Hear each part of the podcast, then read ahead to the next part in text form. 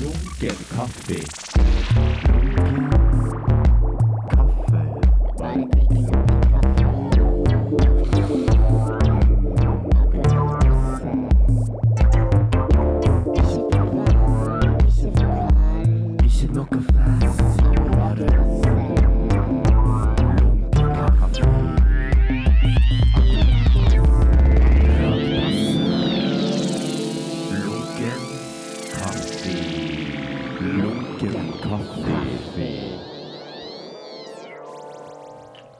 Da sier jeg velkommen til Lunken kaffe, Torunn Larsen. Takk. Eh. Og velkommen til mitt kontor. Ja. Espen Birkeland. Dal. Birkedal. Det er kjempevanskelig, det der. Mm. Ja, beklager. Nei, det er meg som skal beklage, men uh, skjønner du Altså, det er veldig få som ikke har gjort den feilen. Ja. Hvis de ikke har liksom fått navnet mitt først på papir. ja. Og det er òg en sånn ting som er veldig lett eh, kan bli et sånn oppheng. Sånn at du er nervøs for å gjøre feil. Du tror at du kommer til å gjøre feil, og da Ja. gjør du alltid feil. Du vet at det finnes to muligheter. du vet at det to to dører muligheter. du inn. Ja. Men du har jo kjent uh, din søster. ja. Men jeg gjør det med hun òg. Å ja, det er gøy. land. Ja, det kan være Birkeland, det òg. Men kjenner du mange land, liksom? Eller med land? Birkeland?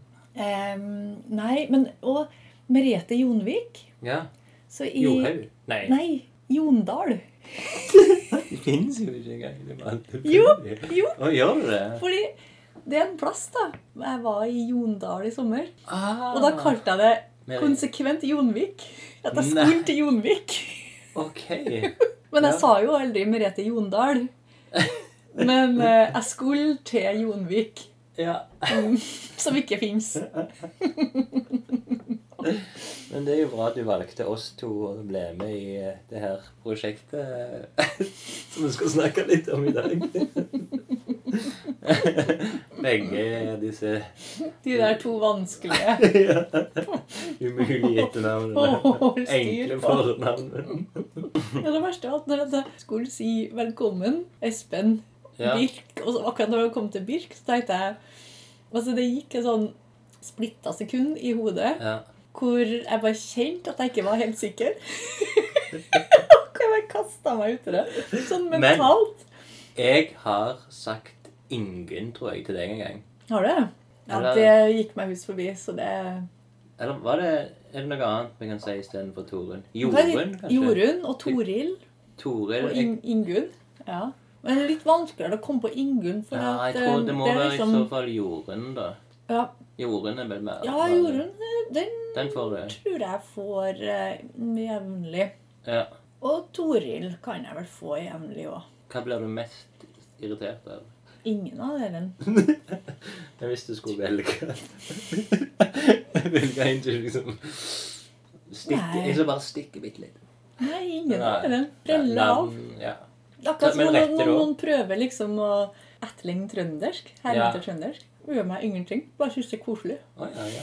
Men retter du på folk hvis de sier. Toril? Ja, ja. Ja. Sånn raskt, Toren. Ja, jeg tror det. Eller Toren.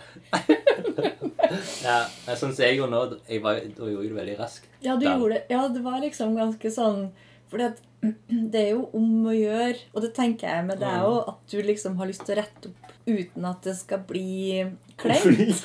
Ja, sant? Ja, Kleint, ja. ja. Den der um, Ja, nå roter du, men jeg vil ikke gjøre deg forlegen. så, Prøv igjen, Ja. er du snill. På en koselig måte, Ja. liksom. Noen ganger så kan jeg bare la det gå. Ja, Jeg har lagt det gå mange ganger òg. ja det, det kjenner jeg òg. Jeg òg kan gjøre. Ikke Ja. akkurat på sånt, men jeg bare tenker at ah, det er egentlig ikke så viktig. Nei, det er jo ikke det. med Det er noen folk så- bare som Det går greit. Liksom. Jeg sa det tidligere i dag, jeg har liksom eh, fått eh, det der nye munnhellet, vet du. Mm. Godt nok for de svina. Men det høres jo litt, i- litt sånn små Passiv-aggressivt. Ja, bagger. Ja. Det, det, det, det er ikke sånn passiv-aggressivt. Det er bare sånn humre litt for meg sjøl. ja, liksom trenger ikke gjøre det så bra til her. Gidder ikke å bry meg. Ja. Det er bare Ja, ja. Det er på deg. Vi er ferdig med utstillingen. Nei, godt nok for de svina. Nei, nei, nei, ikke noe ut. Når jeg tenker at nå kommer det noen som er egentlig ganske utakknemlig, Ja, ja. så kjenner jeg på Uten å nevne navn. Nei, det er ingen så spesielle. altså. Nei. Men du, det høres jo veldig kult Eller det er en kul ting å si. Det er jo det. Det er en kul Mm. ting å tenke, i hvert fall. Det får være grenser for hvor mye du skal holde på å please andre. Ja. Eh, Er du enig? ja, jeg er helt enig i, i det. Ja. Det er på en måte en, Jeg vet ikke om det er snillere, eller om det er ikke så nøye med de. Den eh, snillere måte å si det. Det er godt nok for de svina. Du syns det er snillere å si det er godt nok for de svina Ja. enn det er ikke så nøye med dem? Ja. Å ja. Men hva mener du med det er ikke så nøye med dem? At det, det er liksom mer nedlatende? ja. Og da er det dem. Nei, så du mener de svina liksom ikke er det Altså, det stikker sånn- ikke så mye? Nei, for da, er det, liksom- da tenker du mer som svin som i liksom den der Enten politi, eller du tenker liksom på de grådige Ja, ok. Sånn, Sånn, ja, ja, ja. Svin er på en måte sånn- Alle, det er egentlig alle enige at de er svin? Ja. ja. ja, jeg skjønner. Eh, Men det kommer litt an på om alle sammen er enige i hvem som er svina, da. mm. Nei, men ja, det er sant. Men alle er enige i at svin ikke er et bra dyr. Nei. Eller sånn sånn, Nei, det er jo Altså, hvis, hvis at politiet hadde visst at du kalte dem svin Ja, ja, Mm. akkurat dem er kanskje blitt Litt litt immune. Og meldt seg ut av det. Ja, for den kaffen som vi drikker nå, den er jo egentlig litt godt nok for svin er type kaffe. Hva mener du da? Da tenker jeg at det var Du lagde kaffen, så var det liksom presskaffe oppi filter... Ja. Ja, for det var det som Det var det jeg hadde der på kjøkkenet. Mm. Og så Det er sant, det. Det der er godt nok for de svina kaffe. Så nå har det egentlig blitt for ingen face av For det var ingen av de andre som drakk det, så det er vi som er er svin til slutt. Og det, det er faktisk godt nok for meg. Ja, ja for meg òg. Skål. Lunken skål. Den er lunken. Kaffe. Nå har jo jeg både øl og kaffe og vann Og og to to typer. typer sjokolade. Nå er du komfortabel. Ja, nå føler jeg at jeg liksom har eh, Og jeg har mandarin der. Oi, oi, oi. Og du er på ditt trygge kontor. Og jeg er på, veldig på hjemmebane. Men det tenkte jeg på at når vi skulle sitte her, Mm. at det var litt urettferdig til deg. Ja. Nei. Fordi at jeg, jeg sitter liksom her er jeg så godt vant til å sitte Ja. jeg, jeg, jeg føler meg så utrolig hjemme her. Men vi kunne ha prøvd å bytte litt. Ja, nei, men du, altså, du nå som gjest, så må jo du Jo, men jeg er litt nysgjerrig. Har du noen gang prøvd denne her stillingen? Nei, jeg har aldri prøvd å så sitte og faktisk liksom Jeg skulle gjort rede for meg eh, her. For det er litt Fordi sånn det rektors kontor eh, Ja, det, det, det er akkurat, akkurat den følelsen jeg hadde. Den ville ikke jeg ha. Når jeg skulle sitte her. at eh, som jeg kjenner deg, så er du liksom så forsiktig Eller det er et eller annet som er så lydhørt med måten du er på. Og så tenker jeg at, eh, at hvis jeg skal sitte der, så blir jeg doserende med en gang. Oh, ja, sånn, ja. Um, og det tenker jeg at uh, ingen av oss fortjener, egentlig. Takk. Nå fikk jeg litt uh, det som kalles Mandarin. Men egentlig klementin. Ja. Mm. Mm, uh, Var det min kaffe, eller var det din kaffe? Tok Nei, du jeg. Ja. Nå begynner det å stemme her. Nå Mhm. begynner, nå begynner jeg å forstå. Det som er fint med å sitte her da, for meg, er at nå ser jo jeg utsikta. Ja. Du ser jo bare meg. Ja. Så det er jo litt greit å være gjest i- på mitt kontor. At jeg faktisk Å, kommet! og forbi, det er litt sånn visuell kommunikasjon, det kjenner jeg. Visuell kommunikasjon. ja, for, forklar meg. Hva er det? Det, det er segmentet hvis- Når du forklarer ting som lytterne ikke kan se. Oh ja, sånn, Da blir det visuell kommunikasjon. Dårlig radio. Nei. Ikke innholdsrik radio. Nå bruker vi visuell kommunikasjon-segmentet til å liksom finne ut for det første hvor lenge har du hatt det her kontoret? Her Torunn eh, Larsen. 16 Du har mellomnavn òg, har du ikke? Elisabeth. Ja, Elisabeth. Mm. Det bruker du aldri. Nei, men jeg kunne jo gjort det.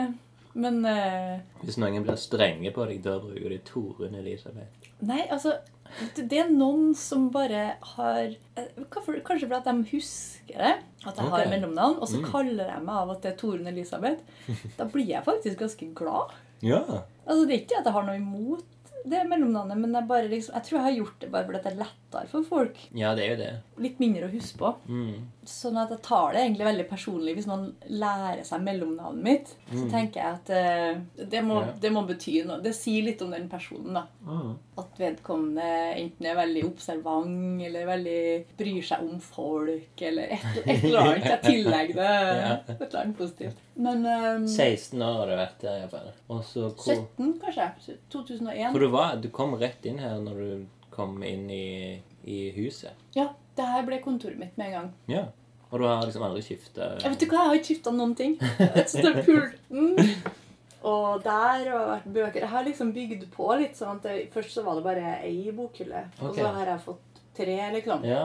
Men, eh, men jeg har ikke forandra på noe. Og jeg elsker denne pulten her. mm. Før så hadde jeg den her Jeg skal vise deg den her.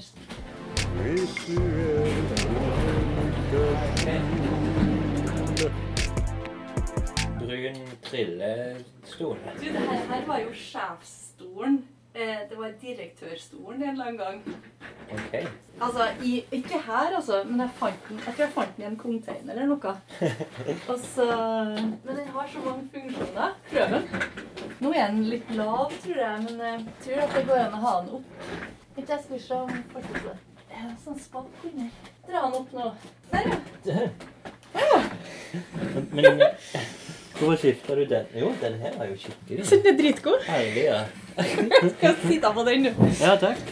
For den satt jeg på i sikkert 15 år. Det var altså en gang jeg skulle få noe sånn support for uh, med det datasystemet. Jeg skulle få, kanskje få en ny sånn server eller et eller annet. Og så måtte han datasupport-fyren sitte der for å fikse dere. Og han holdt på i over en time. Det var så sykt varmt den dagen.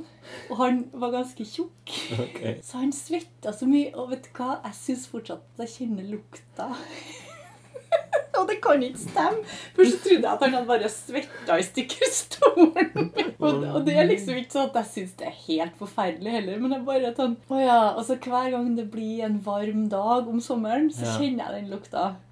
Så jeg for hva faen kan det være som lukter sur svette når det For det, det Ja, for det her er jo en sånn stol som ikke kan vaskes. Nei, og så Hva er det her Hva kalles det? Det kan jo liksom, Du kan se for deg at du liksom bare marinerer polstringer og ullstoffet i Ja. svette. Så kan du jo tenke det stolen som, eh, som tok opp den lukta. Mm. Men så bytter jeg stol, Mm. Altså, jeg har ikke lukta forsvunnet. Det har ikke forandra noen ting. Altså i år òg kjente du den lukten? Nei, men det, det er mange år siden jeg bytta stol. Ja. Men du, altså, du kjenner den hver sommer? Jeg kjenner den hver sommer på en skikkelig varm dag. Og så lurer jeg på hva faen kan det være? Jeg tror kanskje ikke det er mulig at det kan være han fyren. Ville du gjerne bytte tilbake stolen? Ja, men jeg har liksom begynt å trives med den andre stolen nå. Så nå er jeg helt sånn tilvendt den. da. Men nå tror jeg faktisk at det ikke hadde spilt noen rolle. Jeg kunne ha gått og ja, Kanskje jeg skal teste ut noen etter du har gått. Nå er det Om jeg, kan, om jeg egentlig har savna den der Ja, ja. stolen. For nå er det jo minusgrader i det. Ja, altså det gjør meg ingenting med den svettelukta heller, for det lukter så mye rart her på huset likevel. Ja, det lukter jo når vi kom inn her, og noe mat. Pakora. Pakora. Men før vi går videre, så må vi gå inn på neste segment. eh, Eller vi må gå videre med neste segment, mener jeg. Lunkent bekjentskap. Ja. Hvordan kjenner vi hverandre? Hei sann! Hvem er du? En ny venn. Vær hilset, min nye venn. Hvordan kjenner vi to hverandre? Så trivelig med nye bekjentskaper. Gøy. Eller husker du første gang vi eventuelt snakket sammen? Jeg tror at det må ha vært ned på Studio 17 at jeg husker Altså, før du hadde utstillinga. Mm. jeg, jeg lurer på om, om jeg tenkte det at Jon Øyvind og du prata sammen, eller at det var et eller annet som pågikk mellom deg og Jon Øyvind, som gjorde at jeg skjønte at uh, eller, altså, Kanskje han sa et eller annet til deg okay. i rektorstemme eller noe.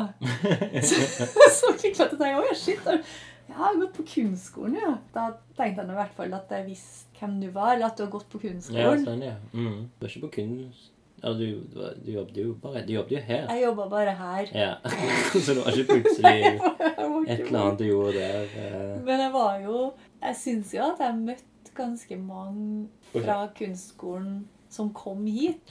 Ja, for det, det jeg, jeg har sett da med, i gamle bilder fra 2005, da var jeg Da gikk jeg iallfall. Ja. Det, for det, da så jeg fra de her um, Local Motives. ja. Den her 1-1-utstillingen. 1-1. ja. Én til én. ja. Da var det bilder fra den boksekampen. Ja. Og da ser jeg jo mange fra min klasse, da. Kunstskoleklasse, som Ja. står der.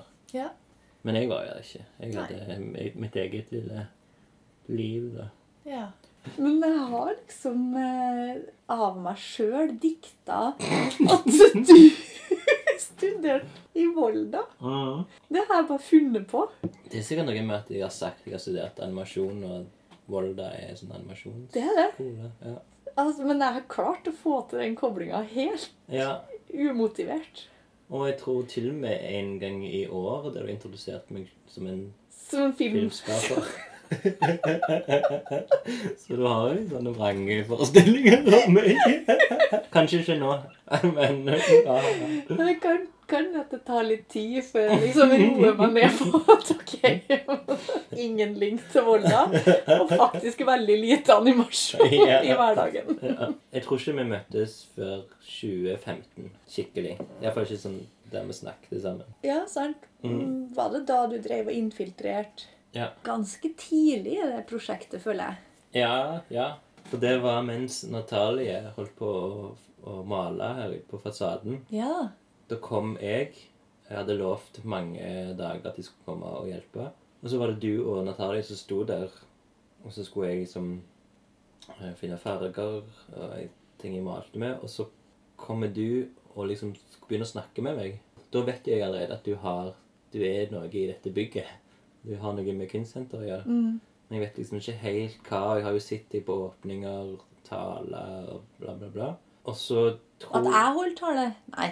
Jeg tror du har holdt en tale en gang. Altså sånn eh, Eller om du bare sa ja, nå kan vi gå videre det.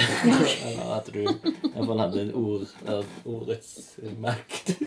Jeg var sjefen akkurat i det sekundet. Jeg var en autoritet, ja. ja. Så jeg forsto at eh, For jeg hadde jo vært på en del utstillinger på, på kunstsenteret her da, før jeg møtte deg. Mm. Og dette her kan være i september-oktober 2015. Og da tror jeg at jeg nevnte at jeg infiltrerte kunstmiljøet. Og så syns du sånn at det var sånn Ja, men altså, det kan jo ikke være så vanskelig oppgave. og liksom at sånn, ja, men hvis du skal infiltrere, så må du bli med i BKFR, kanskje.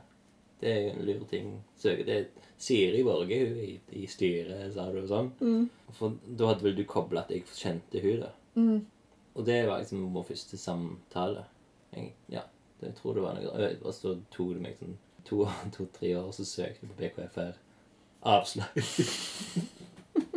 så jeg er ennå ikke klar til å bli Men hadde du gjort som jeg sa når jeg sa det, Mm. så hadde du blitt medlem på dagen. Ja, det er sant, for da var det andre folk i, Det var andre folk. som var. Da, da var det Ingeborg. Så da Ja. Mm. Men eh, du har jo gjort det på den infiltrerende sideveismåten, da. Mm. Gjennom Tegneforbundet. Ja. Er du ikke da medlem i NBK?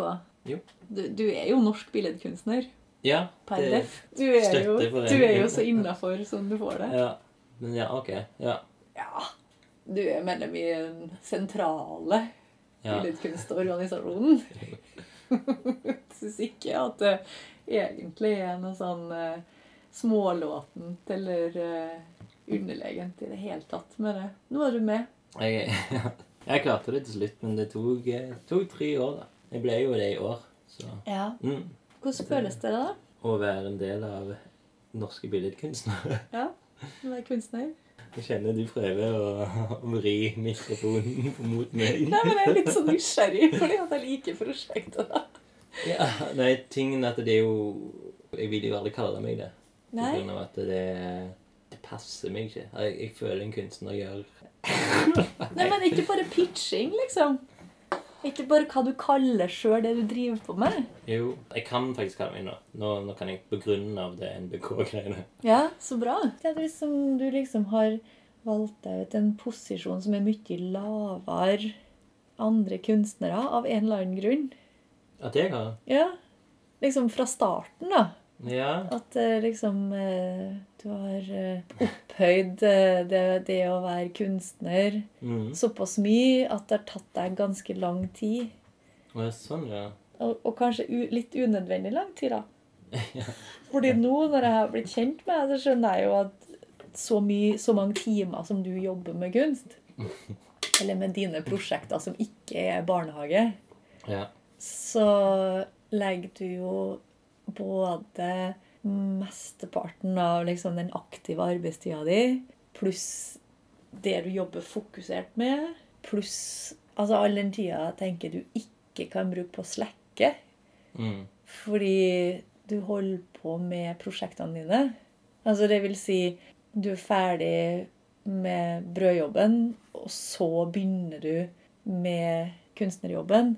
Og da jobber du egentlig to fulle dagsverk Mm. på samme dagen. Og, og det gjør du uten å bli sur. Som jeg kan se, i hvert fall. Og så, og så er du fortsatt såpass eh, respektfull og ydmyk og liksom Nei, nei, jeg skal ikke kalle meg kunstner. Sånn, nei, nei, det er du som er kunstner. Altså, ja, men altså, jeg kaller meg jo tegneserietegner. ja, Jeg kaller meg podcaster. ja, Eller jeg har jo noen temaer jeg går etter, og det er liksom Og den infiltrasjonsgreiene, det er jo Det syns jeg jo er en kul ting, liksom. Mm. Men allikevel så ser jeg på meg sånn Men alt jeg gjør, er jo så veldig sånn gutteromaktig. Det er sånn hobbyting. Så kan, alt kan gjøres uten penger. Alt kan gjøres uten å søke om midler. Alt kan gjøres for meg sjøl. Jeg trenger ikke at noen snakker. Jeg trenger liksom ikke noen bekreftelse av folk. Jeg gjør det bare for å gjøre det, liksom. Men når du sier gutter om, føler du da at det egentlig handler om noe infantilt, liksom? Nei. Nei, det er bare det at jeg, jeg trenger ikke mer enn meg sjøl. Og, og gutteromsprosjekt er bare noe jeg har hørt. Jo, for du, du Ja. en- mener egentlig hjemmesnekkere, liksom? Ja, ja, det er jo det. Ja.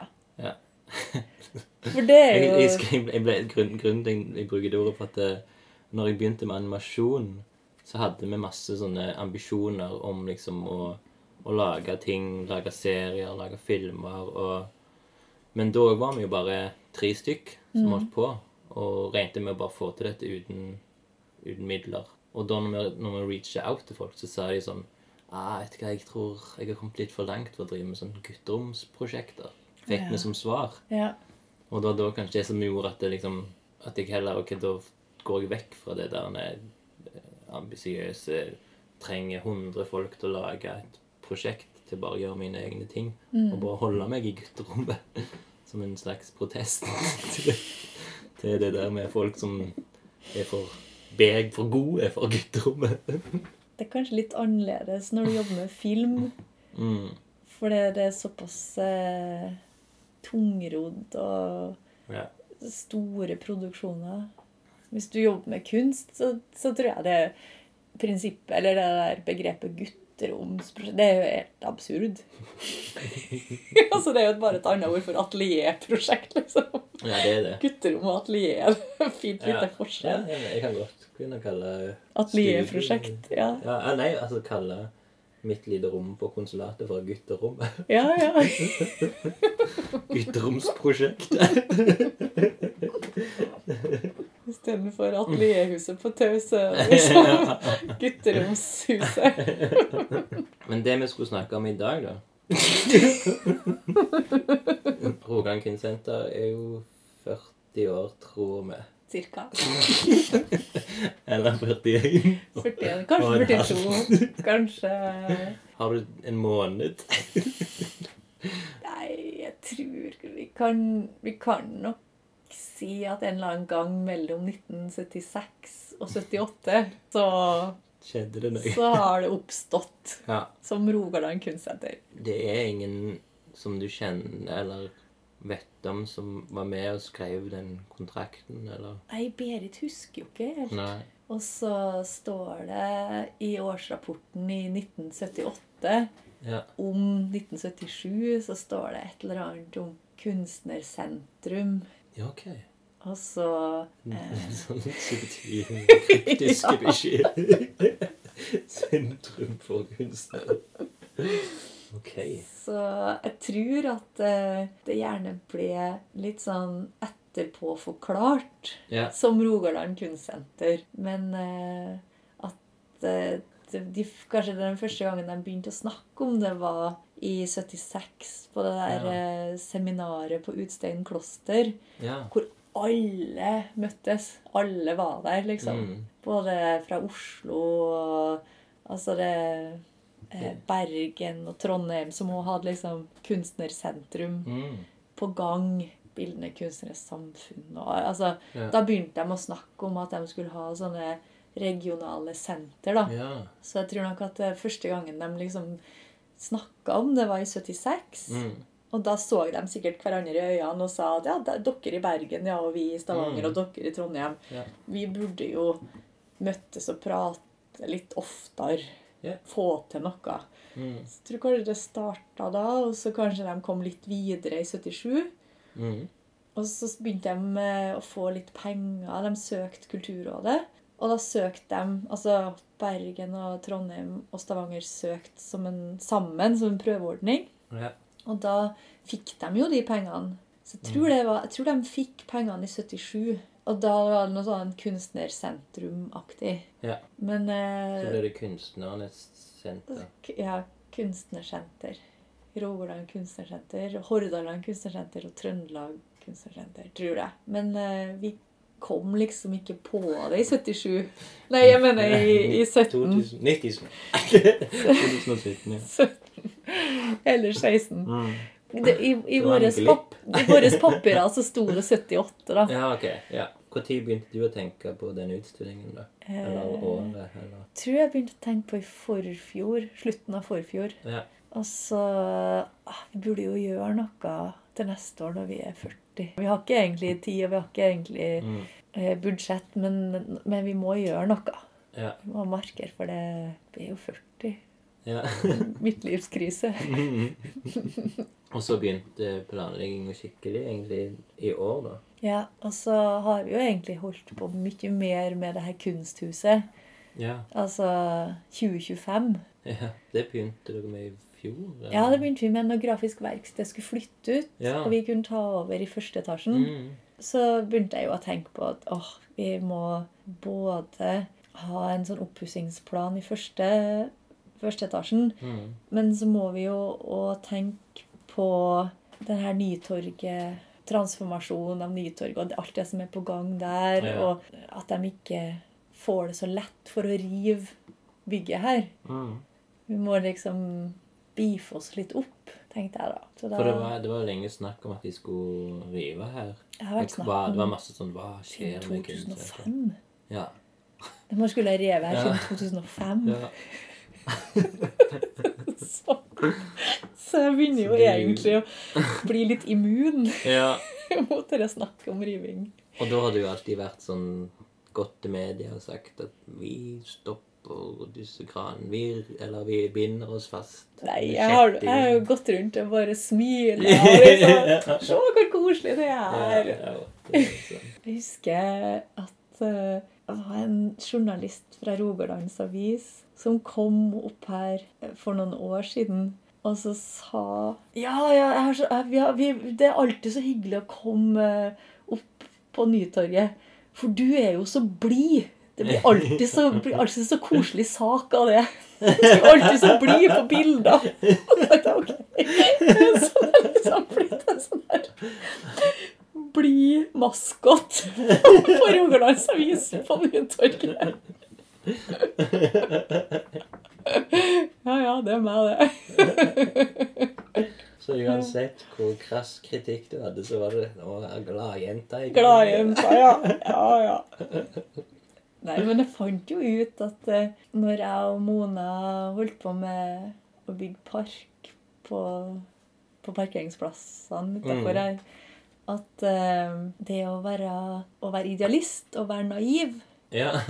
faktisk eh, har politisk sprengkraft. Mm. Hvis at du i utgangspunktet er maktesløs, så kommer du ganske langt politisk ja. med å være eh, naiv. Ja. Fordi hvis du stiller deg opp og sier at eh, Men vi har bygd en park. Eh, Det er, vel, det er vel bra? Ja. ikke det bra? Er det noen som, er det noen som ikke vil ha park? Så, så er det ganske vanskelig for folk å være realpolitiske. Det er jo på en måte litt sånn manipulativt på Ja. ett vis, da. Men når du er maktesløs, så er det det du har, liksom. Men når du kommer ut med den her, kunstbybefolkningen, Ja. da begynte folk å tenke OK, nå har vi, et, nå har vi en plan. Eller? Jeg har ikke fått noe sånn tilbakemelding på er at det jo litt, det eh, her er jo langt ifra naivt, iallfall. Syns du det? Jeg syns jo den er full Han er jo av veldig søt, som smiler. sånn, og, sånn sett, men du ser jo at det Det er jo sol på alle bildene. Men hva var, hva var tanken her, da? Du vil ikke si Hva mener du? i Tanken? Det er liksom prosjekter som vi har gjort. Ja, ja. Det, ok, Rogan Kunstsenter 2003-2013. Men jeg bare tenker, for da, da, da var vel de igjen i nakken, da. De som skulle ta rive huset, eller? Var det òg en sånn en tanke at ok, se hva som skjer her? Ja, det var, det var egentlig ikke en sånn kjempe det? var, ikke, det var liksom ikke svar mot en trussel eller noe sånt. okay. Jeg tror at jeg bare ville vise det som var. Altså Kunstsenteret og Nytorget og alle som, som var i området, og som holdt på. Og alle kunstnerne som bare holdt på. Og at det var bra nok. Ja. Godt nok for de svina. Ja, Nei, men at det, at det liksom ikke er rocket science å, å bygge gode nabolag. Nei, sånn, ja. Du skal bare la folk få holde på med det som eh, de har lyst til i nabolaget sitt. For den er jo en sånn bevis på at det er hvor, hvor mye kjekt og fint som skjer. Ja, for det er ganske, ganske mye av det som er, som er bare bilder av Nytorget akkurat Ja. sånn som det er, da. Mm. Og det er, ikke, det er nesten mer bilder utenfor enn det er inni. Ja. Mm. ja, for det er alle prosjektene der er egentlig en sånn tanke at det er i det offentlige rommet Mm. folk som snakker litt om Stavanger og om Storhaug og Nytorget. Og, eller folk som snakker om kunst i uterom, eller byutvikling. Så, og det liksom at det prosjekter som er litt bærekraftige, da. Sånn økologisk sett. Det er ikke er prosjekter som er veldig ressurskrevende eller forurensende eller dyre eller Er det juletreet? Det er juletreet. Det var Det var et en, kunstprosjekt? det var en kunstner som bare ble så totalt forelska i det faktum at vi hadde eh, en årlig tradisjon med å fly inn et juletre med helikopter og feste på toppen av Biura. Han syntes det var, det var et symbol på eh, en, eh, en human by. Han var veldig opptatt av, eh, av eh, liksom det menneskelige, da. Han gjorde bare prosjekter som var veldig gode. Jeg husker han hadde et prosjekt hvor han Han er engelsk, da. Ja. Så gikk- Sean heter han. Ja, Mm. Han gikk rundt i Mener han bodde i Liverpool Mm. på det tidspunktet. Og så så han folk som hadde fått sånn parkeringsbøter. Yeah. Som festa på vindusviskeren. Yeah. Så så tok de parkeringsbøtene, så betalte han dem. OK. Wow. Og så la han en lapp på liksom at 'nå har jeg betalt boten din'. Bare for å være grei. og, så, og så gikk han rundt i butikkene, og folk hadde liksom lagt igjen sånn der uh, bryllupsønskelister. Okay. Og så og liksom eh, så hva, hva enkelte par hadde ønska seg, og så kjøpte han dem bryllupsgaver fra Lillehammer. Så folk kan ikke Hvor får kjøpe han penger? fra? Nei, for at han brukte sine egne penger. Og så lærte han liksom til sånn kulturstøtte for å betale bryllupsgaver? Altså, De får jo ikke så mye kulturstøtte, de engelske ja, kunstnerne. Så han brukte av sine egne penger. Og så hadde han eh, et prosjekt eh, Eller det, altså han bare var så opptatt av eh, eh, magi, så han lærte seg tryllekunster. Altså Det var en av de tingene han, eh, han var fascinert av. da, magikere. Ok. Så han lærte seg masse sånne tryllekunster som del av kunstneriske praksisen sin. Sånn kort triks. Ja. Korttriks og illusjonisme. Og Han hadde veldig mye fine prosjekter. Og så syntes han at det var så For han var her i to uker Mm. på utveksling for å finne ut av Stavanger. Ja. Og finne ut noe han hadde kunne lage et kunstprosjekt om. Og dette må jo ha vært i desember, da, siden han så det juletreet. Ja, Han kom her i desember i 2005. Mm. Og så skulle han ha utstilling i 2006. Og det var jo den der utvekslinga med Liverpool når, vi, når det var bestemt at Liverpool og Stavanger skulle være kulturhovedstad sammen. Ja. Så da inviterte vi fem kunstnere fra England Mm. til Stavanger, og så sendte vi fem norske Eller det ble seks, da, for det var to som jobba sammen. Ja. Til Liverpool. Og så, så spurte om de kunne liksom gjøre research og lage et kunstprosjekt for den andre byen. Ja, ja, ja. Og så syns han at det der juletreet var helt magisk. Og så hadde han møtt noen når han kom på Sola og landa. Så hadde ikke han hatt eh, penger altså, Han hadde landa så seint. Det gikk ikke noen flybusser. Og så hadde han stått der litt sånn stranda, og så var det en annen enn eh, fra Stavanger da, som hadde spurt om jeg skulle kjøre han inn til byen. Og det hadde han syntes var så sjenerøst og fint. Og så når han hadde sittet her eh, liksom de første dagene og så sett øye på det juletreet, så kobla han han her fyren som hadde kjørt den fra Sola, Ja. og det juletreet. Og så tenkte han jeg har lyst til å gjøre en gest Mm. for noen.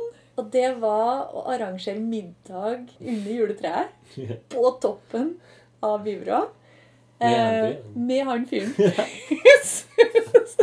er jo kjempefint. Det var kjempefint. Og det var så koselig. Og han fyren ble jo kjempeglad. Og, og så var det da som måtte jeg få eh, tilgang på toppen av Bybrua. Oh, ja. Og da ringte jeg til eh, Vegvesenet. Altså det er vel fylkeskommunen som har eh, For de har fordelt det sånn at alle fylkesveier, alt som er vei, under Vegvesenet, det er under eh, Rogaland fylkeskommune. Mm. Så da var det en som het Gunnar et eller annet. Og jeg bare ringte Gunnar, og så sa jeg at eh, det var en kunstner fra England som hadde lyst til å gjøre et prosjekt. Og han eh, Gunnar sa med en gang Ja, det hørtes jo eh, interessant ut. Det får vi til. Ja. Og han eh, Sean han syntes det var helt magisk. At det bare gikk an å ringe til fylkeskommunen. Kom rett til han som hadde myndighet. Forklare hva som var ønsket. Og han spontant sa ja, men det ordner vi. For han sa i England så hadde du ikke engang klart å få du har ikke engang klart å funne ut hvem Nei. som hadde myndigheten. Du hadde aldri fått tilgang til å snakke med vedkommende. Og hvis du hadde liksom klart å spore opp navnet, så hadde du aldri fått ja. Så her kunne jeg bare sitte, og det, det, det hadde liksom gått en halvtime fra Sean hadde unnfanga ideen, til jeg hadde liksom fått ganske så klart go fra han Gunnar, som var en utrolig koselig fyr. Mm. Han var veldig sånn, opptatt og nøye på liksom at eh, Altså HMS-en når vi skulle opp. Ja, ok. Ja. Sant? Fordi at, det, det er jo ikke stige. det er, Nei, det er egentlig trappe, så det er kjempetrygt. Ja, ok. Men likevel, liksom. Så han hadde jo ansvaret. Ja. Jeg var ikke med på selve middagen, men jeg var med opp, liksom. Og han Gunnar var vel også med på selve middagen. Oh, ja. Eh, Ja. Han var så snill, han. Du var ikke Nei, men det var klart med at jeg følte at jeg kunne jeg, jeg var litt i veien, tror jeg. Han, han var jo HMS-sjefen, så han måtte være der. Men jeg skulle liksom ikke trenge meg på på den koselige, intime middagen. Men uh, han eh, Ikke sånn streng, men han var bare betryggende til stede yeah. på HMS-sida. Gunnar. Gunnar. Og sjenerøs Mm. og trivelig, liksom. Ja. Så tenkte jeg ja, sånn er vi i Norge. Mm. Det er fint at uh, folk speiler oss. Folk Ja. utenfor Norge speiler oss på det. At eh, det, det kan vi være glad for. At vi liksom har laga oss et samfunn hvor det er rom da, for Mm. å både liksom ha ansvaret for HMS-en og likevel være sjenerøs og åpen for eh, litt sånn sprø påfunn. Ja. og ikke være sånn for effektiv. Ja. Nei, det har vi ikke tid til. Ja, ja. For han hadde jo sjukt mye å gjøre. Mm. jeg synes det var altså, Og det er ganske mye sånne prosjekter som jeg har sett at det går an å få til. Så jeg tenker folk er egentlig ganske kunstinteresserte hvis at du pitcher et forslag til Ja. dem. Og du skulle ikke trodd det på forhånd at eh, at du kunne få så mye gehør. For det, det er gjerne folk i etater eller i næringslivet eller noe sånt som du kan ha noen tanker om at nei, men de har det enten for travelt, eller de er altfor uh, alvorlige eller bekymra, eller nei, det her klarer vi aldri å legge frem for dem, sånn at de liksom uh, gir oss lov. Og så skal det ingenting til før de blir gira, da. Ja. Jeg hadde jo eh, Når jeg gikk på kunstskolen, så hadde jeg et prosjekt i Sandnes som handla om eh, Jeg vet ikke om du så Eller det er ikke godt det er det ennå, men det er liksom skilt rundt på butikker. Det står sånn 'I Sandnes betaler vi i kassen'. Oh, ja. Og så var det òg noen med også en sånn mann, sånn litt sint mann med politihatt. Og sånn 'Vi her betaler vi i kassen'. Og så syntes jeg dette var så kjekt at jeg gjorde liksom, tok liksom bilde av meg sjøl, og så var det liksom litt sånn, sånn truende 'Her betaler vi i kassen'. Det var mest litt forskjellige sånn sinte fjes. og 'Her betaler i kassen'. Og hvor hang du det opp, da? Inne på butikker. Men, men del to av det prosjektet var at jeg skulle, ble så nysgjerrig på han der politimannen. Og hvorfor han var med på det prosjektet. Så jeg, jeg tok liksom tok med et kamera eller en som filma, så tok jeg liksom og leide opp han her er fyren da, som jeg hadde funnet på disse eh, plakatene. Hvordan fant du det? Hvordan jeg fant ham? Ja. Det var hele, altså det videoverket som det ble til slutt, Ja, var jo jakten. Jakten på Helge Michaelsen heter den. Da gikk jeg først til politistasjonen, og så sa, sa de sånn Ja, han har, det er Helge Michaelsen. Han har jobba her. Men nå er han liksom eh, sånn eh, sikkerhetssjef for eh, Europris. Oh. Han var liksom sikkerhetssjef for Europris. Oh, ja. Så da drog jeg til nærmeste Europris og spurte etter Helge Michaelsen Men det er bare én europris i Sandnes. i Ryfylkegata. Er det en europris i Sandnes òg? Ja, for det var, det var, i, jeg var, det var i Sandnes jeg drev med dette prosjektet. Å, det var der var i i, inn på Europris at han eh, At det hang lapp med han på? Eller hang det i flere ja, Det hang i noen andre butikker òg, så jeg syns det var litt rart at det var akkurat Europris. ja. Mm. Men uansett så går jeg på Europris, spør etter Helge Michaelsen, ser at det er noen bilder av han, og så ja, han, liksom. Mm. Og så sier de sånn at han eh, han er ikke her, han er på hovedkontoret på eh, Gandal. Oh, ja. Og så, så ga jeg opp prosjektet, for jeg, sånn, jeg ikke, kunne ikke dra til Gandal. Men så var hun som Var det altfor langt, eller? Ja, det var for lengt. det sånn- Én stopp til med toget. Det var et eller annet med at sånn, tror jeg sier det i videoen sånn Nei, men det, det er noe i meg. Drit i det. Men så var det ei, sånn dansk gjestelærer da, som syntes at dette her var så kult prosjekt at hun kjørte meg ut til Gandal for å treffe han fyren. Mm. Og da var det sånn at jeg kom inn, og, og da kjente jeg jo på hele meg at det her nå, det, Hva skal jeg gjøre når jeg treffer Det er liksom det, Jeg hadde liksom ikke tenkt dette ut. Så Hadde du med kamera, da? Ja, det, det, det var Jeg hadde med meg en fyr som filma meg, da. Oh, ja, ok. Og når vi kommer inn, og jeg spør eh, liksom beskjedent «Hei, eh, Helge Michaelsen, er han her i dag? Og så sier de ja. Et øyeblikk. ja. livredd. Ser i det kameraet liksom Å nei. Og da kommer han ut, og så sier jeg sånn Ja, jeg driver med et Jeg kommer fra kunstskolen i Rogaland. Jeg driver med et kunstprosjekt. Eh, Jeg tror du kunne fått et par ord med deg.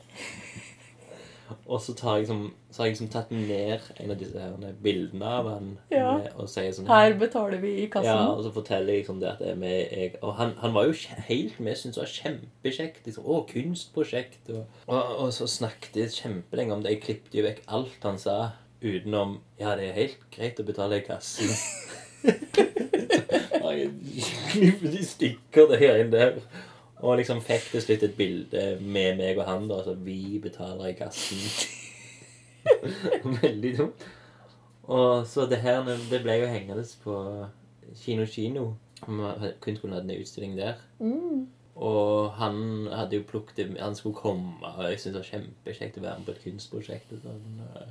Men jeg tror ikke han kom. Jeg vet ikke. men... Du hadde bare masse med deg som prata og var rundt i butikker og yeah. ja. gjorde det prosjektet og leita etter han. Yeah. Og når du fant den, så hadde du liksom to sekunder hvor han sier det er helt greit å betale i kassen, og en selfie med deg og han. Yeah. Så det var ikke spesielt igjen. Jeg skulle bare finne han og trodde det var et bra nok prosjekt. Men likevel så er det sånn, de, folk er jo åpne. Han var jo, syntes det var kjempekult. Liksom. Det var, med en gang det jeg sier at det er kunstprosjekt, så er det jo Ja, å, kjekt. Det vil jeg gjerne være med på. liksom. Ja. Mm. Jeg òg syns det. At eh, folk eh, og, og det lurer jeg på er fordi folk her er litt sånn sjøl uhøytidelige i Norge, da. Ja, det kan være. At uh, vi har så lite klasseskille og så lite avstand mellom folk at Mm. det appellerer til et eller annet. Jeg Ja. syns det, det er ganske lett å jobbe med kunst Ja. ut i, med prosjekter og Mm. sånn hvor du trenger at folk stiller opp, eller at folk gir deg lov. Ja, ja. Eller at eh, folk skal bare på en eller annen måte være med, da. Mm. Jeg tror jeg aldri har hørt noen som har fått et nei. Nei. Altså. Eller at folk er kjipe. Ja. Det var et veldig fint prosjekt som jeg og ei som heter Anna Ros Mm. laga for eh, tiende klasse. Prosjektet het Samtidskunst for tiende klasse. Og okay. utgangspunktet var at samtidskunst var på læreplanen for eh, slutten av ungdomsskolen. Mm. Og så er det ganske mye sånn fordommer eller sånn skepsis til Å ja, samtidskunst. Ja. Det, det kan alle gjøre. Det der kunne jeg jo gjort. Ja, ja. Eller, sant? Så. Det er en enden av en vits ofte. ja. Og så tenkte vi ok, men hvis vi skal kontre det, da Så da laga vi et sånn opplegg hvor først så var det en gjennomgang med kunsthistorie på to timer. Ja. Og da starta vi med antikken, Mm. som er liksom hvor alt er figurativt. Ja. Alt forestiller noe Mm. som òg i tillegg er ganske seriøst. Ja. Da tror jeg vi hadde et bilde liksom eh, Eller det var, det var jo ikke antikken, det var ren- renessansen. Men det er sånn bilde med Aristoteles og Sokrates som står i midten. Og så er det masse filosofer rundt. Og så er det sånn antikke søyler og trapper og sånn. Og det er liksom. Det ser veldig seriøst og skikkelig og figurativt ut. Mm. Så vi gikk fra det, og så liksom eh, via impresjonisme og så begynte det liksom å skli litt ut. Kubisme. Og så begynte det å bli mer og mer konseptuelt. Mm. Og så Josef Beuys, med liksom hvor bare alt var en forelesning. Og så Jeg, jeg syns vi hadde valgt ut en del prosjekter som var ganske fine. da. De var, de, de var kontroversielle på ett vis i forhold til det der Aristoteles og Sokrates som står og prater. Men det var ett prosjekt eh, med en som het Walter de Maria, som eh, var fra 60-tallet, 70-tallet en gang. Hvor inn i utstillinga så sto det en telefon på gulvet, Mm. og så en lapp hvor det sto 'Hvis telefonen ringer, er det kunstneren. Han har lyst til å prate med deg'. Ok, ja. Så hvis du var publikummer og gikk rundt, da, og så ringte telefonen, så kunne du gå og ta opp telefonen. Da var det Walter de Maria Ja. som hadde lyst til å prate med deg om kunst. Eller livet. Ja. Og det var jo veldig lett å forklare for de skoleelevene òg, at det er jo en ganske artig situasjon. ja. Og litt finurlig. Mm. Så det var en del sånne, sånne kunstprosjekter som var lett å leve seg inn i. da. Mm. Og så samtidig så var vi jo da Vi regna vel med at det kom til å være litt sånn ha-ha, er det kunst? Men likevel såpass eh, levende at vi kunne klare å selge inn da, som litt sånn litt artig. Det var litt kult. Men er, er det 14-15, da? Eller 16? Uh, med 15, tror Ja, ok. Så da er de veldig sånn der 14-15. Ja, sant. Det er sånn eh, Alt er litt teit. Og, ja. Ja. Så det, kan, det, kan, det er liksom ikke så lett å selge inn ting, da. ja. Men eh, da, da var liksom det første trinn liksom infiltrere. Snike inn liksom at Ja. noen av de her eh, konseptuelle kunstprosjektene kunne være litt kule.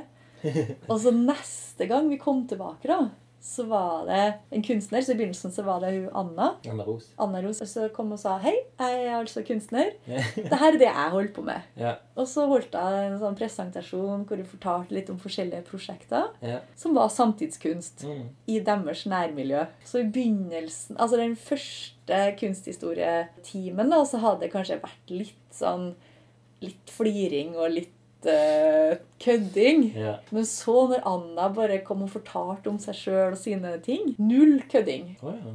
Null fliring. Kjemperespekt. Kjemperespekt. Og folk var skikkelige og ja, stilte ordentlige spørsmål og sånn. Så det Fordi da står du der liksom overfor et annet menneske Ja, som, er, som er grei og normal.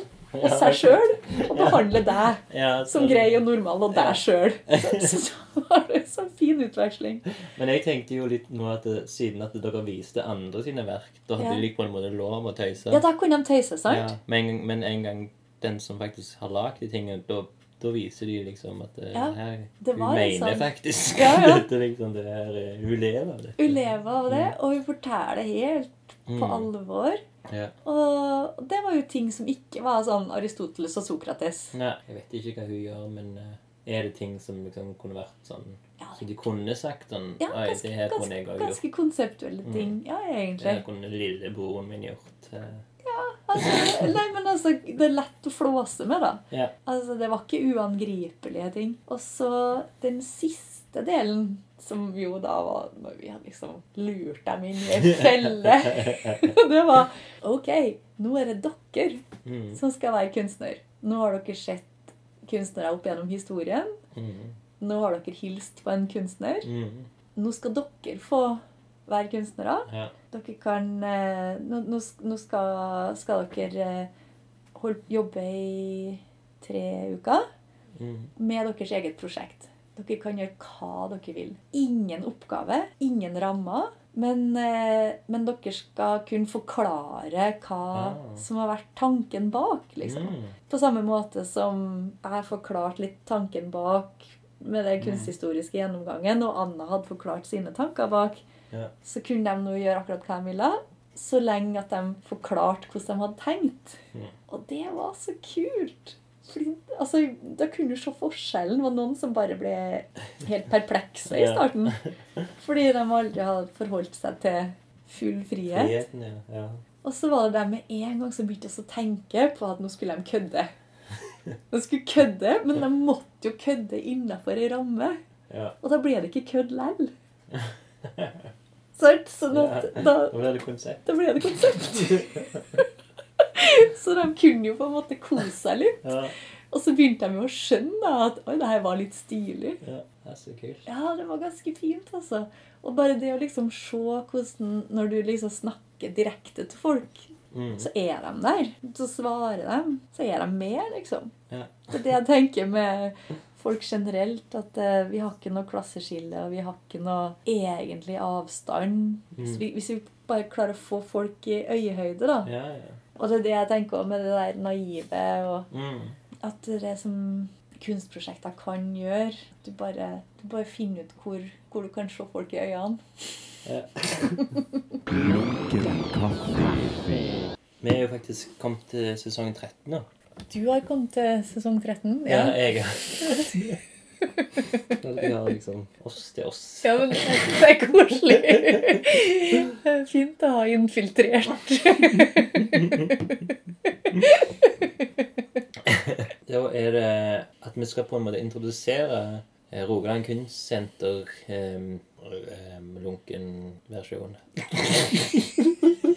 Lunken kunstsenter. ja, jeg vet ikke hva det blir. Men det er iallfall uh, Lunken kunstformidling. Et samarbeid.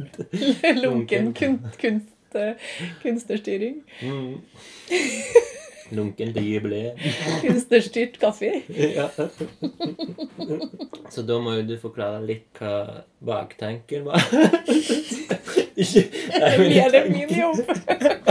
Ja, for det var, vel, det var vel du som fant ut at jeg skulle være med som podkaster i Ja, denne jubileumsseansen. ja, vet du, jeg tror at jeg så for meg at det hadde vært litt kult. For jeg tror at jeg heier litt på det infiltrasjonsprosjektet Ok, ditt. ja. Og så så jeg for meg at nå når du Syns det gikk litt virkelig treigt. Nei, men jeg bare tenkte at eh, OK, next level. Ja. Fordi nå hadde jo infiltrert Studio 17. ja. Det er jo ferdig. Så det sang. Det var liksom den deal. Ja, vi jeg satt mitt flagg på Du, toppen. ja, sa sant. Nå var du med i NBK. ja. Så da tenkte jeg OK, men da må du begynne å infiltrere kunstsenteret og de der gamle gutta Mm. og damene. ja. Og liksom historien. Ja. Og at det hadde vært litt fint, da. Å liksom dra Og så få deg til å bli en, en sånn household name blant kunstnere i 60- og 70-åra òg. ja. Ikke bare de hipsterne, liksom. Jeg så vel for meg at, at det å kunne liksom være en plass du kunne trives, da. Ja, men det jeg er jo kjempeglad for det. Og da fikk jeg òg litt tilgang til arkivene. Og ble jo kjempeinteressert i hele historien. Og fått litt snakket litt grann med de litt eldre. Eh, men eh, Ja, for Har du følt at det var liksom stengt for deg? Eller at det Før? Ja, eller liksom at det var Nei, det var noen andre. Det var ja, Nei, jeg tror det, har det har gått ganske sånn mykt gjennom på grunn av Anna òg. Mm. For Anna hun er jo på en måte begge deler. Ja. Hun har jo liksom de yngste og de eldste Mm. med seg. Jeg, jeg har jo vært lenge kjæresten til Anna, som at de eldste sa det. Kjæresten til Anna i det. ja. Og så Men har de, har de spurt deg hva du driver med? Har de vært interessert i ditt prosjekt, eller? Nei, jeg tror ikke de helt har forstått Det er sånn, ja, ja. Altså bare Å ja, han, ja. Han skal sikkert bare ha hente noe til Anna. Det er sånn Han er i oppdrag for Anna igjen. Annas eh, sjåfør og håndlanger, liksom. Assistent. De har jo bare sett på meg som en veldig sånn harmløs kjæreste Ja. av kunstner. Og jeg tror egentlig eh, nå, kanskje de siste månedene, så vidt at eh, noen har merket Å ja, han gjør rustting, ting, han her òg. Mm. Eh, men eh, jeg, jeg kan ikke helt ta eksempler helt, men eh, jeg, kan, jeg kan ikke ta eksempler. men ja. Men du har jo snakka med Berit Vatne. Ja, Hvilket inntrykk har du av hun, hvor hun har plassert deg? Nå begynte jeg med det LF Gryte-prosjektet. Der jeg skulle lage en tegneserie om hans liv. Og da merket jeg at hun forsto hvem jeg var. Og, men da kobler meg jo da, da tenker jeg at hun ser på meg som LF-Espen, på en måte. Ja. Da kan jeg jo introdusere Men jeg tror ikke det er noe Det er ikke noe annet der. Nei, ok. På grunn av, på grunn av den her eh, åpningen som var nå nettopp. Ja.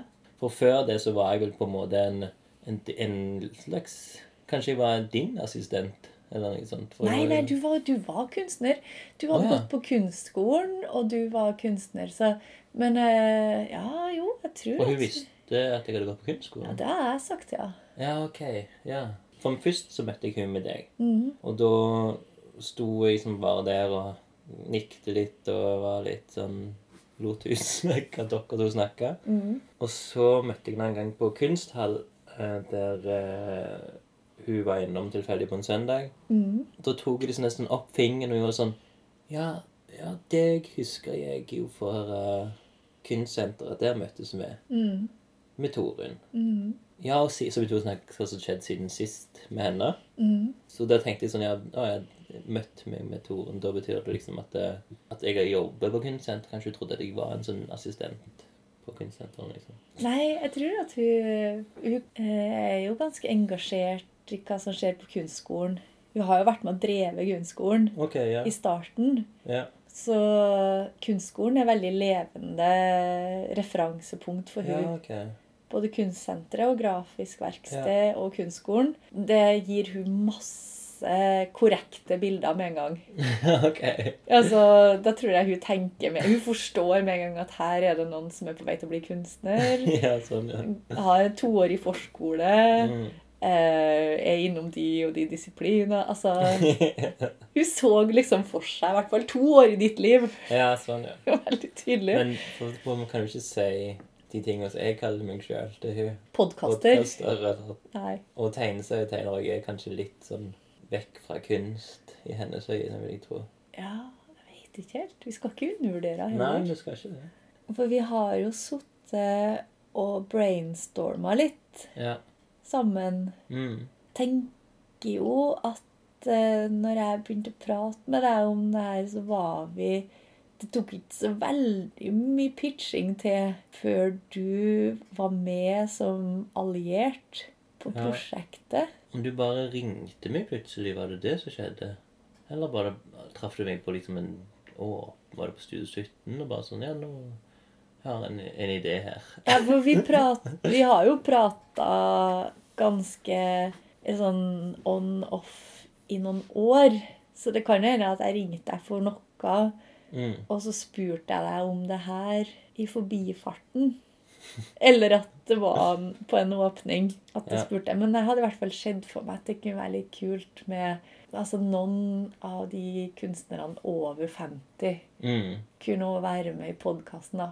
Ja. Altså At det ikke tok så lang, mye overtalelse før du så det for deg, Nei. som at det kunne funke.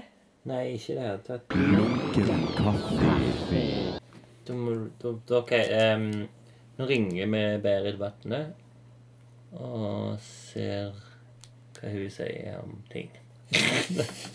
Nei inn- Finne ut om hun kan være med på en, en, en lunken gløgg. Ni, ikke? Eller? Nei! Å ja, for hun holdt deg våken en annen dag. Hun var jo våken til elleve og var kjempevåken. Nå er jeg sikkert opptatt. Eller kanskje ikke ja, Jeg vil tippe hun holder på med et eller annet. Nei, nå tar jeg ikke telefonen, men vi får se. Det kan jo hende at hun ringer opp igjen. Ja. Vi får se. Men hva skal vi gjøre da, da? Vi må jo ha Vi må ha Bergman, tror jeg.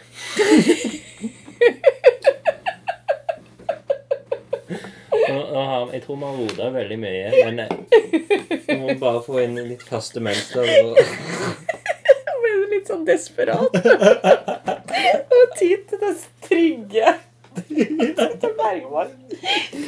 Litt for flytende her.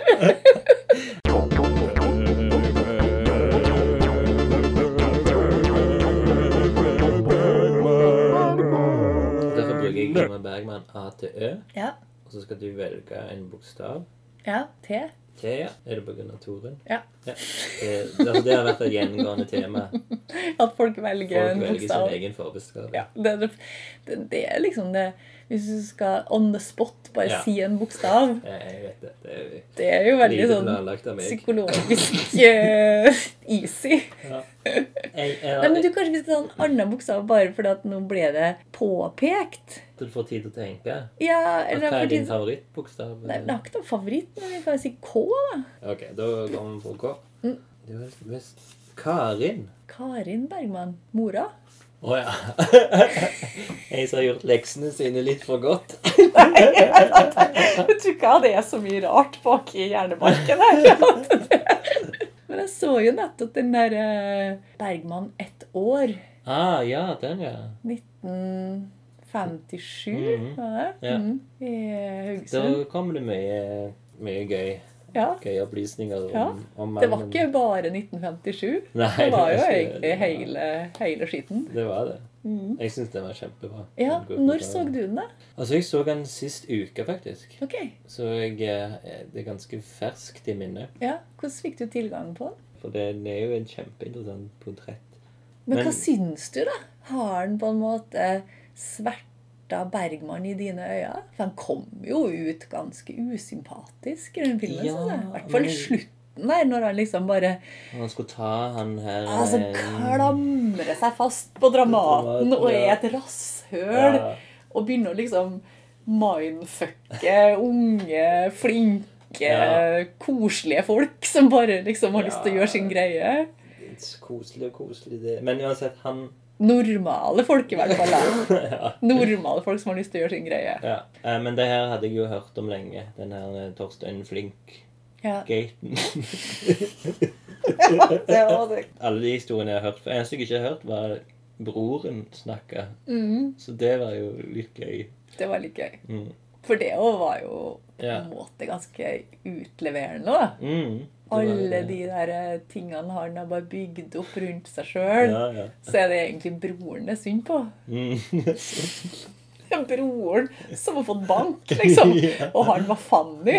Det syns jeg var litt fint. da. ja, det var veldig gøy. Og det her nazist med greiene som har vært Ja, litt opp og ned. Ja. Noen plasser har jeg lest at, det, at alle som hang med han på den tiden, Mm. de, de fikk ikke med seg noe at han altså, nazisympatitør, at han var det. At han først skrev om det i, i den eh, dagboka Nei, ikke dag, men eh, selvbiografien. ja. Sånn som de sier i dokumentaren, at de gjorde, det- han gjorde det for liksom å sette seg sjøl litt ned av at han var liksom et Ja. geni, og at liksom ja. At Han måtte hadde jo faktisk latt seg lure litt, da. Ja. Han hadde latt seg manipulere liksom av, ja og, men av liksom nasjonalsosialismen og Hitler. Han Ja, og, og sånn at han hadde hadde litt sånn- sjølforakt kanskje på det, da. Ja, men, For han men var var jo ikke antisemitt eller nazist, Nei, nei, men, egentlig. men, sant? men det var det som var greia. At han, og da hadde han òg en unnskyldning til å si at det var derfor han aldri har lagd en politisk film. På grunn av han tok så feil med nazismen. Det er masse sånn, det er så mange sånn spill han driver med, med liksom med media, med liksom måten han skal framstilles og Ja, sånn, Alt som blir sagt i den dokumentaren, høres jo rett ut. Ja. Men det kan jo òg være at alt er løgn, liksom. For det er, det er derfor han er liksom så Men det er jo veldig interessant når broren faktisk Ja, forteller broren det- han er, av en eller annen grunn tror jeg på han. Ja. Han tror Altså Jeg ble banka. Ingmar ble aldri banka, Ja. for han var flink på skolen. Mm, altså Jeg har jo lest så mye om Bergman, og det er mange plasser det står Han lytta veldig, var mye med faren og, og hjalp han og sa alltid de rette ting. Og, Ja. Og han var på en måte den som kom unna med ting. Og, Ja. Men det kan òg hende han følte seg mer som broren sin allierte, og at han hadde dårlig samvittighet for at uh, han var et vitne til at broren Ja, fikk så sånn, mye juling. Men han har jo Han nevner han- jo aldri søsknene. Han har nesten aldri nevnt søsknene sine. Nei. Jeg tror ikke han likte dem spesielt. Han ville ha all oppmerksomheten sjøl av foreldrene og sånne ting. Hadde han noe mer enn broren? Han hadde en søster òg. Ja, hun er jo helt fraværende. Ja, Hun var jo fraværende i den her eh, filmen ja, her òg. ja, ja. Og hun, jeg tror, ja, hun er yngre enn de. Så hun, le, hun levde jo kanskje ganske lenge, da. Ja, jeg, altså eneste som eh, jeg vet, og som jeg har lest, er at eh, når hun ble født, så konspirerte Bergen, eller Ingmar og broren da, om å drepe henne. For hun fikk så mye oppmerksomhet. Det er liksom eh, han, eh, Storebroren liksom lur, fikk han til å skal kvele midt på natta, og han Storebroren skulle få Ingmar nei, storebroren lurer Ingmar til å til å liksom kvele, som kvele. prøver å kvele hun. Ja. Og hun Han var ikke mye bedre broren, da. Nei.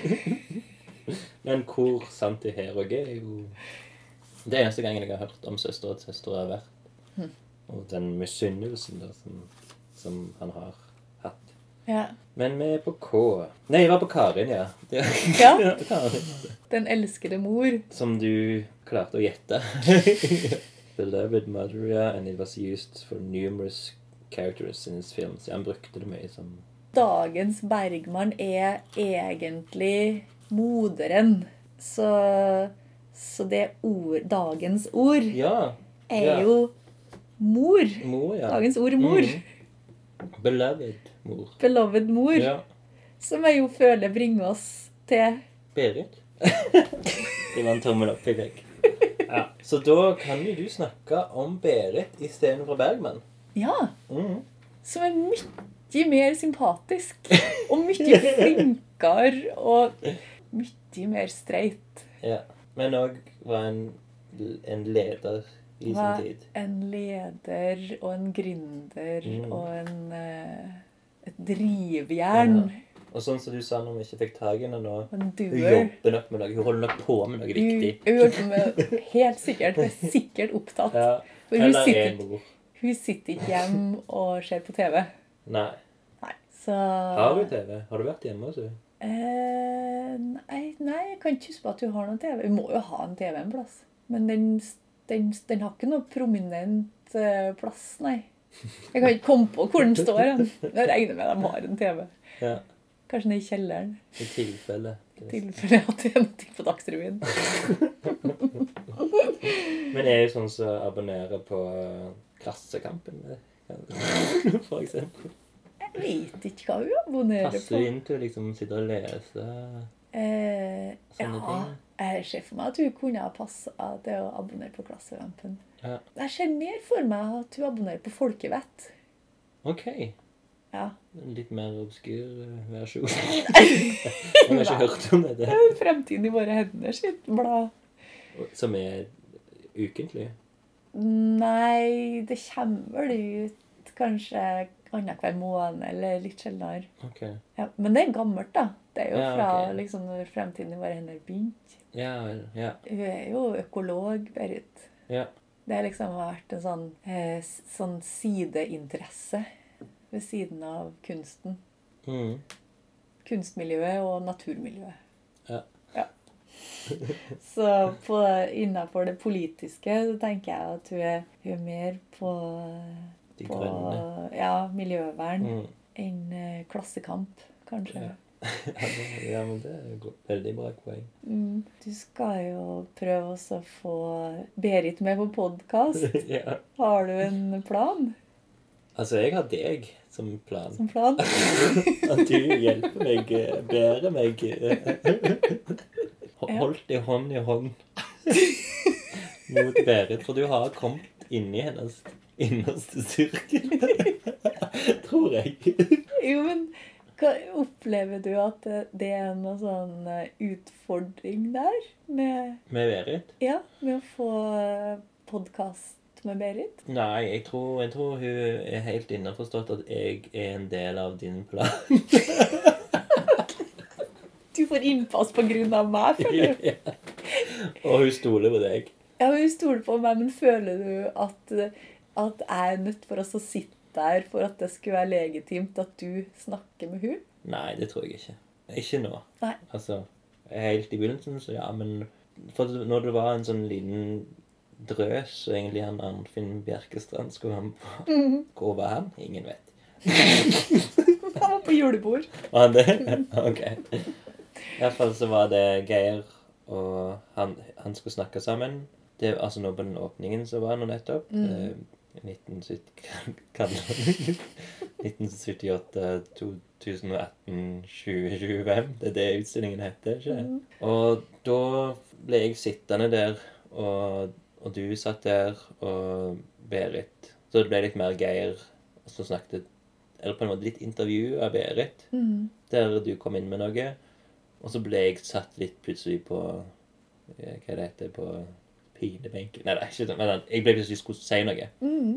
Og da merket jeg med en gang at jeg, når jeg henvendte meg til Berit, så var hun veldig sånn åpen og god. Og jeg merket at det var veldig enkelt å snakke med henne. da, At hun, hun viste en sånn varme med blikket. Mm. Hun, og det tror jeg òg handler om at, eh, at hun merket at jeg så noe i sin gamle venn Ellef Gryte. da. At jeg Ja. hadde liksom funnet noe interesse i han, og at eh, ja, hun ville hjelpe meg med det. Ja. Så derfor tror jeg at det kunne gått veldig greit å snakke med henne. Men, men eh, jeg vet jo ikke hva hun tenker da, om hun kan være litt sånn, føle seg litt uh, At hun trenger den, en trygghet som deg. I hvert fall i en sånn en setting som vi har planlagt å ha nå, med publikum og jinglebrus. Ja, det kan, ja, altså, nå er jo ikke Gustav her med noen jingler, så at, det kan jo hende at jeg òg hadde trengt å ha noen hull i hånda hvis at jeg liksom sitter her med Gustav og keyboard, og plutselig kommer en sånn der merkelig jingle. Nå kommer jo den der podkasten til å ha jingler, Ja. sant? Så Denne det er her? Eller det, Ja. det, Gjør ikke det? denne her? Jo, jo, men det er de litt gamle jinglene. Jo, jo, men de er Eller jo nåtids Sant? Altså, det kan jo hende at jeg hadde blitt satt ut hvis at de hadde blitt spilt av Ja, live ja sånn, mens vi hadde prata. Spesielt hvis at det satt en Gustav der og plutselig bare fyrte i gang en jingle. Ja, men jeg, jeg, jeg tror at jeg hadde bare sagt 'kjør jingle' eller noe sånt. Jingle? Eller at jeg, jeg kan liksom Ja. Gjøre at, Eller varsla hun om at det kommer til å bli noen litt li- rare lyder med sang. Vignetter. Som du kanskje ikke tåler. Må Vi snakker jo som, som om hun liksom er sånn frø. sånn aspeløv. Nei da, men Vet du hva? Hun er, hun er jo steinhard. Ja. Og, Men det, det, det har jeg merket òg. og hun har jo en humor. Altså, så det, Ja. det er jo Jeg tror Det er bare, bare tøys. Det er sånn- bare tøys. ting, Men ja. Men, eh, men, Men- det er jo noen ting da, med at hele dette prosjektet her med infiltrering Det liksom infiltrerer et miljø hvor folk er 80. Og så hvordan Skal få du en jingling. og, og jeg hvordan, hvordan vi liksom bygger opp en sånn her forestilling om at folk på 80 at de er alt mulig. liksom. Kobla av og får ikke med seg ny teknologi, skjønner ikke humor. Plutselig så har de liksom bare Men har du blitt fjern og humorløse. Nei, nei, de har ikke personlighet lenger. De har bare blitt 80. Så da, da slutter personligheten en eller annen gang når du er 60. Så bare, da har du brukt opp personligheten din, og så blir du bare gammel. Har du bare litt mindre, da? Som du kan levere. Men, for det er jo et problem. Det er jo, eller ikke problem, men det er jo en utfordring, da. Hvordan hun Når du skal forklare, eller ha Jeg vet ikke hvor, hvor mye du har klart å forklare til Om, om jingler og om, om egentlig podkast, da. Nei, For du har vel sagt radio jeg har sagt radioprogram, ja. Ja. Og det er jo Og da har du på en måte litt lurt Det er jo nærradio. Ja. Det er jo, jeg har jo sagt at det er radioprogram på internett. Ja, ok. Så det er jo Ja. Det er jo som nærradio, egentlig. Ja, ja, det er Det jo mye tøys. Lokalradio. på nærradio. Mm, mm, ja. Så det, det er vel det, egentlig. Og jingler har jo vært i all tid. Jingler er ikke noe nytt. Nei, nei, sant? Vi skal jo slutte å tro det at vi er liksom så sinnssykt så, radikale. Men spørsmålet i hatten, det tror jeg er noe Ja. spørsmålet i hatten. Nei, men det Nei, nei, men det er jo sånn alt, alt er jo basert på sikkert oldtidens programmer. Ja, ja. Sånn hvordan folk i steinalderen Ja, all musikk er egentlig. Beatles. Ja, det er det. hvis, vi- hvis vi kan si en annen ting, da, det er jo at uh, han uh, Jingle-Gustav Ja. Jinglemaker Jørgensen, er det vel han kone. Han er jo på en måte òg en trygghet for meg igjen. For han er jo sånn som har vært med meg nesten hele tida med lunken kaffe. Mm. Så at han er der, gjør jo meg litt mer Kan gjøre at jeg blir litt mer sånn tullete ja. enn hvis det hadde bare vært meg, deg og Berit og Ingeborg, da. Ja, For det er jo ikke bare meg, deg, Berit og Ingeborg. Det er jo meg, deg, Berit og Ingeborg Og og hele potensielt BKFR og MK Ja, som publikum. Har du hatt eh, ja, Du hadde jo på Kunstmuseet. ja, ja. ja. Da var jingle-gutter i stedet. Men da var det jo egentlig ikke så mye prat, var det? Drev ikke dere bare og tegna? Det var litt prat i, i høyttalerne. OK. Så det var vi hadde tatt opp en lunken kaffe som ble spilt Lavt, med... liksom. Nei, det var noen som hørte alt. Ja. Men pga. kuppelen så var det ikke alle som hørte.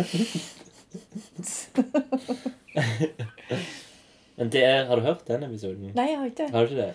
Og der hadde jo han eh, Han skulle få vite at han skulle være med på dette lydprogrammet. da. Mm. Så hadde han med med seg en sånn egen lydboks med masse sånne effekter.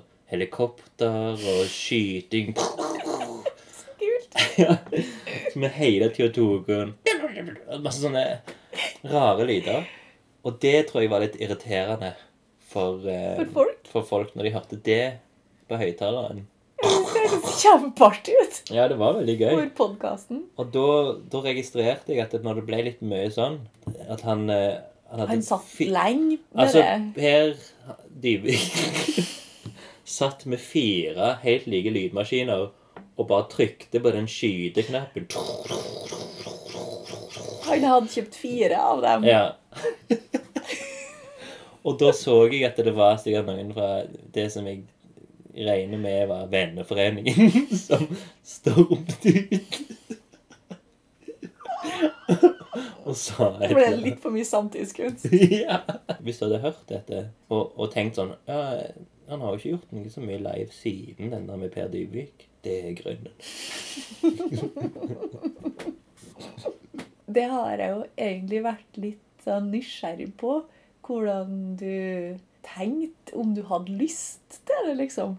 Å ha en sånn live Ja, jeg, jeg tror egentlig det har vokst mer på Altså, Jeg syns det, det var pinlig allerede da. Ja. Og, det var en grunn til at vi ikke gjorde det live, Ja. egentlig. At Ja. vi tenkte heller. Han ville ikke snakke om seg sjøl. Jeg hadde heller ikke lyst til å stå foran mange folk og late som jeg var noe. Altså, når jeg inviterte deg, sant, så hadde jo jeg aldri hørt en eneste podkast. Jeg bare fikk tanken på at uh, her har vi en som liksom inn, har drevet med infiltrering av kunstmiljøet og gjort det delvis gjennom å intervjue Altså tilnærma seg den, den Ja, ene stansen skansen etter den neste, liksom. Og så, så liksom gradvis blitt kjent, mer kjent og utvida nettverket sitt, og så dratt inn i podkaststudioet med kaffe. Og så tenkte jeg at det er jo helt perfekt da å liksom bare sprenge åpen alle dørene Mm. og gjøre det helt offisielt. Ja, sånn, ja. ja. Sånn, nå er du kunstmiljøet i Stavanger.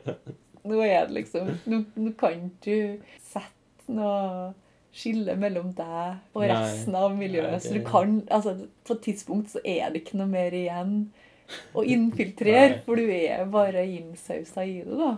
ja. På en måte. Kanskje. Jo, ja, jeg forstår godt hva du mener. Og det er jo faktisk bare de aller eldste da igjen Mm. å infiltrere. Mm. Og det å inkludere han Kjell, da. Han som iallfall ikke har hørt om meg eller vet hva det er jeg holder på med. Og, Mm. Det, synes jeg- og han var jo ukens karakter i episode to. Ja, hvordan var det? Det var helt tilfeldig, eller var det? Det var på grunn av at det er Hansi. Det var Hansi, ja. Mm. Han holdt Hansi på hadde å valgt Kjell som ukens karakter.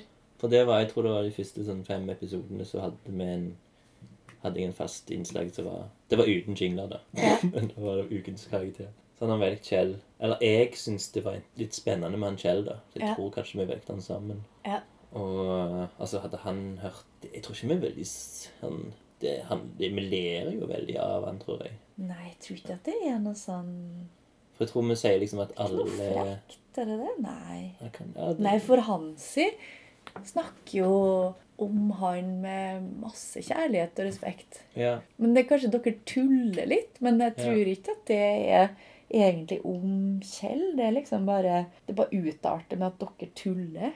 ja, Det er bare sånn generelt tull, tror jeg. ja, ja. Sånn som vi har gjort med Berit nå. Ja. Ja. Det har liksom ingenting med personen å gjøre. Hvordan kan jeg leve med meg selv? Hvordan skal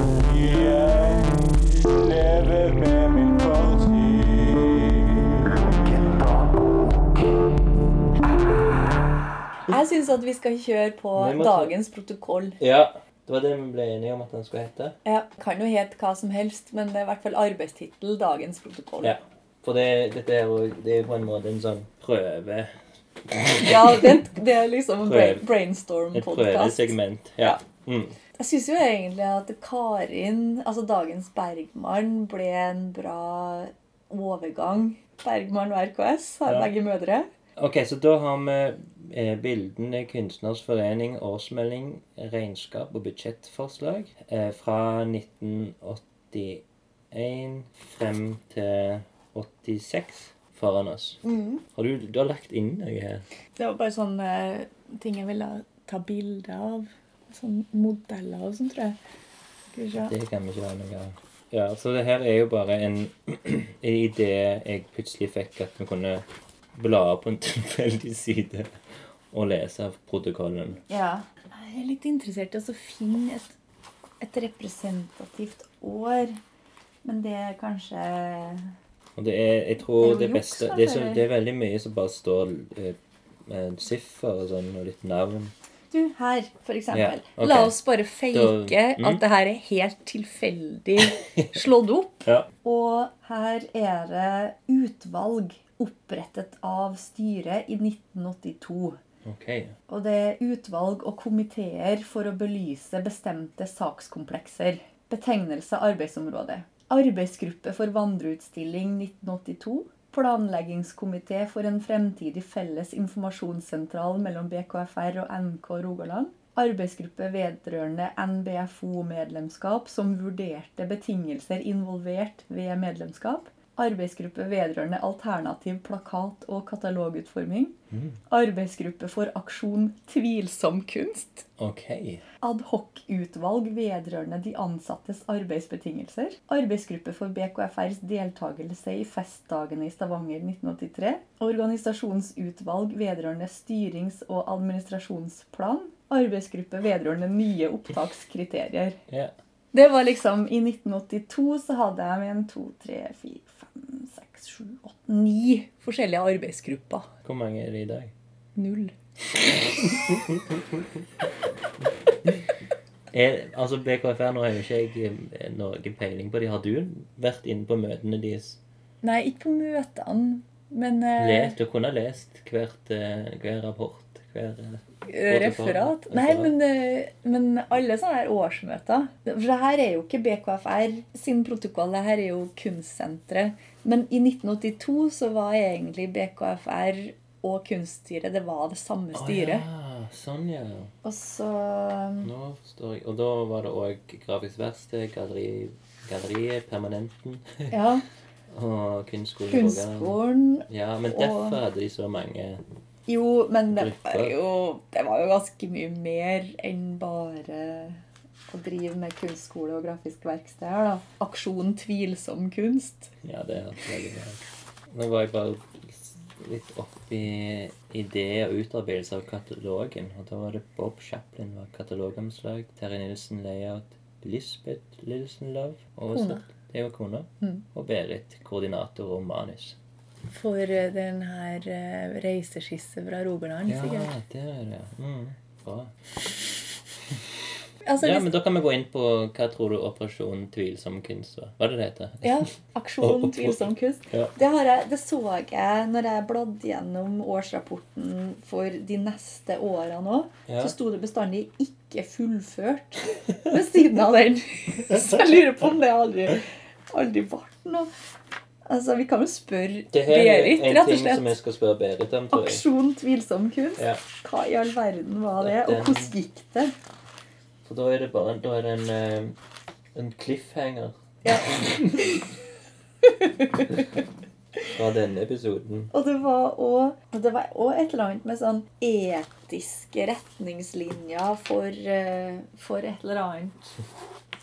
Litt vagt der. Men eh, det òg syns jeg virka veldig eh, fremmedarta fra dagens eh, tenkemåte. Et eller annet med etikk. Og at man må ta en egen eh, sånn, eh, arbeidsgruppe for, for etiske regler. Men jeg husker ikke hvordan år den kom inn. Den, den var òg i noen år.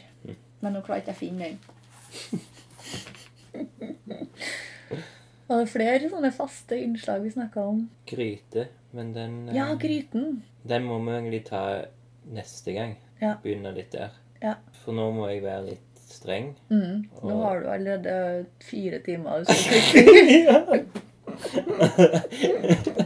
Men du er jo heldigvis med videre. Ja. De tingene jeg lurte på, som jeg ikke fikk svar på den gangen, Vi kan kan snike det inn. I, videre. Ja. Ja. Det som jeg har tenkt nå, er jo at disse her RKS-spesialene, de blir jo i tegningene alltid rødt. mm, Noe rødt i, mm, for å liksom skille. mm, Og så blir de andre helt vanlige lunken kaffeer imellom der, da. mm. Som kan godt være at jeg nevner litt sånne ting fra Ja, skal du ha med liksom eh, LF og Det kan være jeg lurer inn i en dagens protokoll og sånn? Dagens protokoll kan jeg jo ikke ha. det har jeg ikke tilgang til. Jeg liker jo egentlig at RKS-spesialene blir litt egne med egne jingler, en egen på en måte en struktur. Mm. Det, det er jo en betalt jobb. Mm. Det er jo det eneste. Ja, det er sant, det. ja. Så da må jeg på en måte levere, og da må jeg liksom respektere Du Altså, må jo ikke, men Nei, men jeg, jeg vil i hvert fall gjøre noe eget med det. For liksom, Mhm. det, her, det kan ikke bare være he helt likt. Mm. Kaffe, det må være For eksempel det at det er live, det er jo noe eget. Mm. Og det er mye mer krevende. Pluss det er Ja. folk som du ikke Folk som jeg ikke kjenner. kjenner, Jeg kan- eller liksom har sjøl funnet på at du skulle snakke med. sant? Du har jo blitt blitt altså, påprakka det. ja. Men, men så vil jeg liksom ha Det er derfor sånn, for eksempel så viktig med sånn jingler og sånn, for det er liksom Det er noe av det jeg liker best Mm. med podkast. Og jeg, jeg, jeg syns ennå det er veldig morsomt med jingler. Og når jeg kan lage nye jingler, Mm. da blir jeg veldig glad. Ja, fordi hvordan, hvordan ser du liksom for deg å brainstorme på eh, dagens eh, Eller eh, dagens LF, liksom. Eller altså hvordan Altså selve segmentet? Mm, nei, jinglen for det. Å, nei. LF skal ikke få egen jingle. Jo, men han blir en variant av Bergman i planen. Hvordan høres Bergman sin jingle ut? Bergman sin er liksom Bergman. Så da blir den mer sånn Gryten